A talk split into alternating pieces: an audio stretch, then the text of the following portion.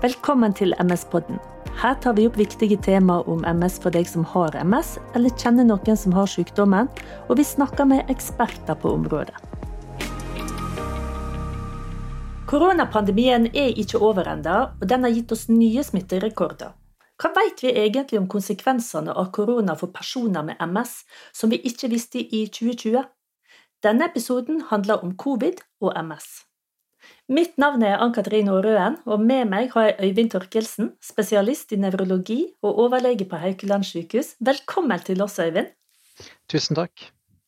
Så hyggelig å møte deg igjen. Du har jo vært hos oss i MS-podden tidligere du, og fortalt litt om eh, korona og MS. Og det var jo helt på starten av pandemien, i hvert fall veldig tidlig i pandemien. Og da visste vi jo ikke så veldig mye om eh, covid-19. Kan ikke du fortelle litt om eh, hva er det egentlig vi har lært siden den tid? Ja, vi har jo lært enormt mye, vil jeg si, siden eh, den forrige podkasten vi lagde sammen da, for snart to år siden. Vi har eh, generelt om korona har vi jo lært veldig mye. Vi har lært det har kommet flere nye typer virus siden sist. Vi har fått delta-varianten, vi har fått omikron-varianten. Vi har lært litt om hvor smittsomme de er, og vi har ikke minst i forhold til MS da, lært mye om hvordan det går med personer med MS som får korona. Eh, og vi har lært mye om vaksiner mot korona. Vi har lært mye om hvordan personer med MS reagerer på vaksiner, og om hvor godt vaksinene virker. Eh, og eh, vi har fått veldig mange nye studier som har sett på dette. her. Det har, blitt, eh, det har aldri skjedd så mye på dette feltet som nå. Vi har jeg vil si vi vet mer om vaksiner og infeksjoner i forhold til MS nå enn altså De siste to årene har vi lært mer enn vi har lært de forrige 20, kanskje, om dette feltet. Det er jo på mange måter også fantastisk gode nyheter i en krevende situasjon. Det vil jeg absolutt si. Da. Altså, det har kommet så mye ny kunnskap. Og det at folk har klart å hive seg rundt og lage store forskningsprosjekter og få denne kunnskapen så kjapt ut, det har vært eh, imponerende. Og absolutt. Hvis vi da tenker på hvordan er det covid-19 påvirker mennesker med, som har MS, sammenlignet med de som ikke har sykdommen, og nå tenker jeg spesielt på dette med alvorlig sykdom. Kan ikke du fortelle litt om det? Jo, altså når eh, covid-19 kom, da, så var vi jo veldig redde for personer med MS. Eh, og vi var eh, det ble tatt veldig mye forholdsregler, for man visste ikke hvor farlig det var å få denne infeksjonen når man hadde MS i bunn.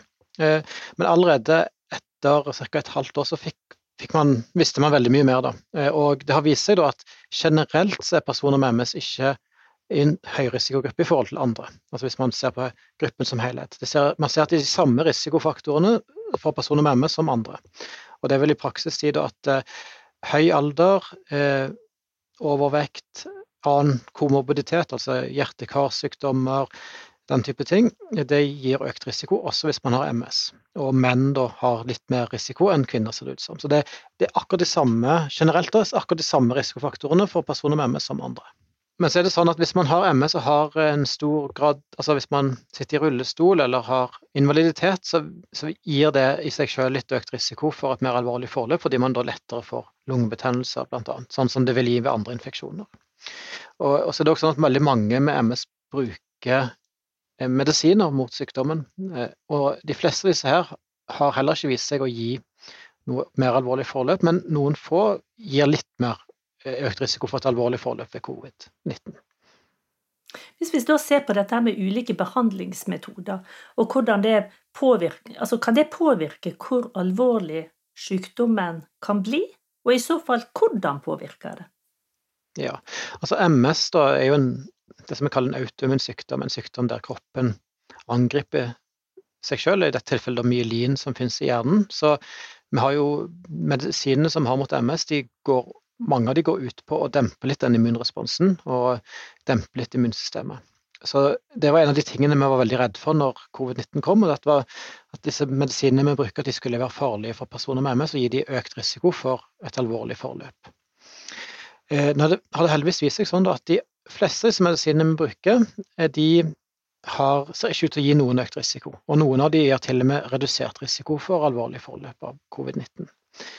Eh, F.eks. disse gamle interferonene som har en klar antiviral behandling, de har i flere studier vist seg å redusere risikoen for eh, sykehusinnleggelse. Eh, men så er det jo noen da som, som litt, gir litt økt risiko igjen. Og dette er jo ikke helt enkelt å vite for en som en vanlig pasient, å vite hvilken behandling en står på opp imot dette risikobildet som du nå skisserer litt. da. Eh, rådet er vel egentlig da å ta kontakt med fastlegen eller, eller de legene en er i kontakt med til daglig? Ja, så altså har vi lagt en del informasjon da, som, om, om, dette med hvilke behandlinger man går på, hvilke råd man gir. Eh, og Det ligger ute på sånn MS Kompetansetjenestens nettside, det ligger ute på MS-forbundets nettside, og det ligger ute på Oslo universitetssykehus sin nettside, og veldig mange andre sykehus har lagt ut sånne råd. Og de har vi lagt sammen da, i, i, Norge, eh, nasjonale råd for, for ulike behandlinger. Da. Så bra. Eh, vaksine har jo vært et av de virkelig store temaene rundt uh, covid-19. Uh, og det er mye snakk om at en må ta vaksine. Er det forskjell på hvordan ulike MS-behandlinger påvirker hvordan man responderer på vaksinen? Eh, ja, det er det. Eh, så de, de, aller fleste Det er det også studert veldig nøye nå etter hvert. Så, så der har vi fått enormt mye kunnskap. Og si, det var, det var fascinerende å gå gjennom litteraturen. for Før covid-19 så visste man egentlig for de fleste medisiner nesten ingenting om vaksinerespons. Det er en, et sånn neglisjert forskningsområde som uh, man ikke trodde skulle bli så viktig som det har. Men nå vet vi jo veldig mye. Så eh, vi vet at de aller, aller fleste MS-medisiner påvirker ikke immunresponsen i det hele tatt. Det er to, to unntak, og det er såkalt B-celleterapi, altså medisiner som eh, virker å fjerne B-celler i kroppen. Eh, akkurat disse medisinene gir en ganske betydelig redusert eh, iallfall antistoffrespons. og det vil si at man, altså, De aller fleste, kanskje 75% som får vaksine på denne behandlingen, her, har ikke tegn til antistoffer mot koronaviruset. Men det jeg kan si da i forhold til disse pasientene, er at det ser ut som at de aller fleste har likevel en immunrespons. De har en effekt av vaksinen, men de har ikke alltid dannelse av antistoffer. Eh, for det er gjort ganske mye studier på det cellulær immunitet. Eh, og eh, cellulær immunitet er en annen del av immunsystemet som ser ut som, der det ser ut som de aller fleste som står på BCLP, har en respons. Så det betyr at selv om man står på en behandling, så har man sannsynligvis og ikke får antistoffer, så har man sannsynligvis en effekt av vaksinen eh, på at den hindrer alvorlig sykdom. Og Da er vi jo egentlig over på altså, hva tenker du er det viktigste når det gjelder vaksinering? Hva bør MS-pasienter forholde seg til når det gjelder vaksinering? Vi anbefaler alle med MS å ta eh, koronavaksine. Eh, det er mindre viktig hvilken type man velger. Jeg vet mange har vært redde for å ta vaksinasjon, fordi man kan, kunne jo i teorien tenke seg at det å ta en vaksinasjon kan utløse nye attakker eller utløse ny sykdomsaktivitet. Eh, og det har òg vært studert veldig nøye på denne koronavaksinen, da, og eh, det har man ikke funnet noen økt risiko for attakker for de som har MS og får vaksinasjon. Sånn at vi regner som trygt da, å ta vaksinasjonen. Og det er heller ikke sett noen økt risiko med komplikasjoner eller mer bivirkninger hos personer med MS enn andre. Så, så det virker som en trygg behandling og en god eh, forsikring mot å få et eh, sykehusinnleggelser eller andre komplikasjoner. Også her er det vel helt nye studier, vil jeg tro, involvert? Ja, det, det er riktig. Eh, og vi har vært med på bl.a. en norsk studie der man har sett på en tredje vaksinedose da, eh, hos personer med på MS-behandling, og som ikke hadde effekt av de to første eh, dosene. Og der man ser at veldig mange, på, eller en del på B-celleterapi, får antistoffer etterpå. Eh, en annen medisin som jeg tenkte jeg skal nevne, det er disse SNP-modulatorer. Eh, det er òg en type medisiner der man har MS-medisin der man har sett redusert vaksinerespons. Så det er veldig få som bruker det, som får antistoffer, i alle fall, mot mot eh, covid-19, og det er òg redusert sånn cellulær respons. På de. Vi anbefaler likevel at alle tar vaksinasjonen, for det kan godt være en viss beskyttelse likevel. Eh, og på den positive siden med sånne SNP-modulatorer, så er det heller ikke sett noe økt risiko for et alvorlig forløp når man bruker det. Så jeg tenker det er uansett en veldig positiv eh, tilbakemelding der. Så det betyr jo også at eh, selv om en da går på en behandling som kanskje ikke gir full respons rundt vaksiner, så bør en likevel vaksinere seg, og at den vil ha en effekt likevel. Ja, det absolutt. Så, og særlig med B-cellterapi så, så, er vi ganske sikre på at eh, vaksinen har en effekt, selv om man ikke får nødvendigvis antistoffer. Er det der også da behov for en fjerde dose, tenker du? Ja, det tenker jeg kan være fornuftig. At, det, at vi, vi, tenker at en fjerde dose er fornuftig hos de som, de som står på behandling, som vi vet har en redusert vaksinerespons. og Da gjelder det særlig de som står på B-celleterapi og sånne SNP-modulatorer. Så særlig der vil det være fornuftig med en fjerde vaksinedose. Hvordan ser du for deg at eh, pandemien vil utvikle seg, og dermed behovet for vaksine som vil påvirke MS-pasienter framover? Ser vi nå sluttene, tenker du, eller må vi forvente at uh, dette er noe vi må forholde oss til i mange år framover, og at det vil komme hele tida nye studier, nye resultat osv.? Ja, jeg tror vi ser begynnelsen på slutten, kan man vel si. Eh, for eh, selv om smitten smitten akkurat nå når vi gjør dette opptaket, så ser jo smitten ut til å være økende, men heldigvis ser det ut som denne omikron-varianten gir et mildere forløp da, enn delta-varianten, og at den fortrenger den mer eh, aggressive delta-varianten. Sånn at eh, det er positivt. Det er veldig positivt at de fleste pasientene våre nå er vaksinerte og fullvaksinerte.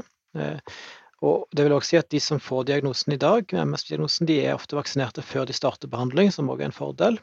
Så, så, jeg, så, jeg, tror vi ser kanskje slutten, begynnelsen på slutten på den veldig faren som vi har sett. Men eh, det er klart, jeg tror nok vi må leve med viruset lenge. Kanskje vi alltid må leve med dette viruset, men at vi kan ha det i mer kontrollerte eh, former, da, som, som, man har med andre viruser som man kommer tilbake hele tiden. Sånn influensavirus og forkjølelsesvirus, den type ting. Og her går jo forskninga framover hele tida også, eh, og i takt med MS-forskninga, så her vil det jo mest sannsynlig komme ja, behandlinger som kanskje gir enda bedre resultat over tid. Ja, det skjer, det skjer jo framskritt på alt. Det skjer framskritt på vaksinasjon, og det skjer også framskritt på behandling. da, Hvis man altså med antiviral behandling hos de som blir smittet med covid og blir innlagt på sykehus. Så, så alt har jo bedret seg siden pandemien startet. da. Og jeg sa jo, En av de tingene som, eh, når vi ser tilbake to år, så har det jo generelt gått mye bedre enn vi frykter fall i Norge. Eh, og i alle fall med våre MS-pasienter i Norge, så har vi var redde for at mange skulle bli alvorlig syke, og det har vi heldigvis ikke sett. Har, har en sett noen forskjell på unge og eldre pasienter med MS opp imot covid? Jeg vil si, nå har vi i, på, i, i verdensnivå har man det. Sånn at eh, hvis man ser på i studier som er gjort, store studier som er gjort i Europa og USA Eh, så vil man se at eh, det er definitivt sånn at eldre pasienter får et mer, har vi økt risiko for sykehusinnleggelse og VMS. Så det er akkurat sånn som i resten av befolkningen. I, I, Norge har vi heldigvis hatt veldig få som har blitt lagt inn ved, med covid-19 med MS. Sånn at eh, eh, det er litt vanskelig foreløpig å, å, gi noen tall på det. Men eh, det, det, vi har en pågående en stor nasjonal studie som heter Nevrovax, der vi ser på altså både på vaksinerespons, og vi vil også se på etter hvert på hvordan det har gått med pasientene, som, som, hvor mange som blir lagt inn på sykehus, og hvor mange som blir alvorlig syke. Så da vil vi ha mer tall på det etter hvert. Hvis du nå helt til slutt skulle komme med dine viktigste råd, da, eller covid-råd til personer med MS i dag, hva ville du da sagt, Øyvind? Ja, så det, så det som jeg opplever da som, som lege, da, det er at veldig mange med MS veldig, har, vært, har, vært, veldig redde for koronainfeksjon, og en del har isolert seg eh, veldig mye for det. De har fått beskjed om at de skal unngå smitte og sånne ting. Men jeg vil jo sånn generelt råd si don't panic. Eh, det har tross alt gått mye bedre enn vi frykter, og de aller fleste med MS har ikke økt risiko i forhold til resten av befolkningen. Takk, Øyvind. Dette her var veldig nyttig informasjon. Eh, og veldig godt å få vite også at det er mer forskning på området nå, og at en har gode funn rundt hvordan covid påvirker MS-pasienter, og også rundt vaksinering. Ja, tusen takk. Veldig hyggelig å få være med, og jeg er veldig glad for at dere tok initiativ til denne oppdateringen. Jeg tenker det var på sin plass nå når vi har så mye ny kunnskap. Så tusen takk. Ja, takk for at du kom.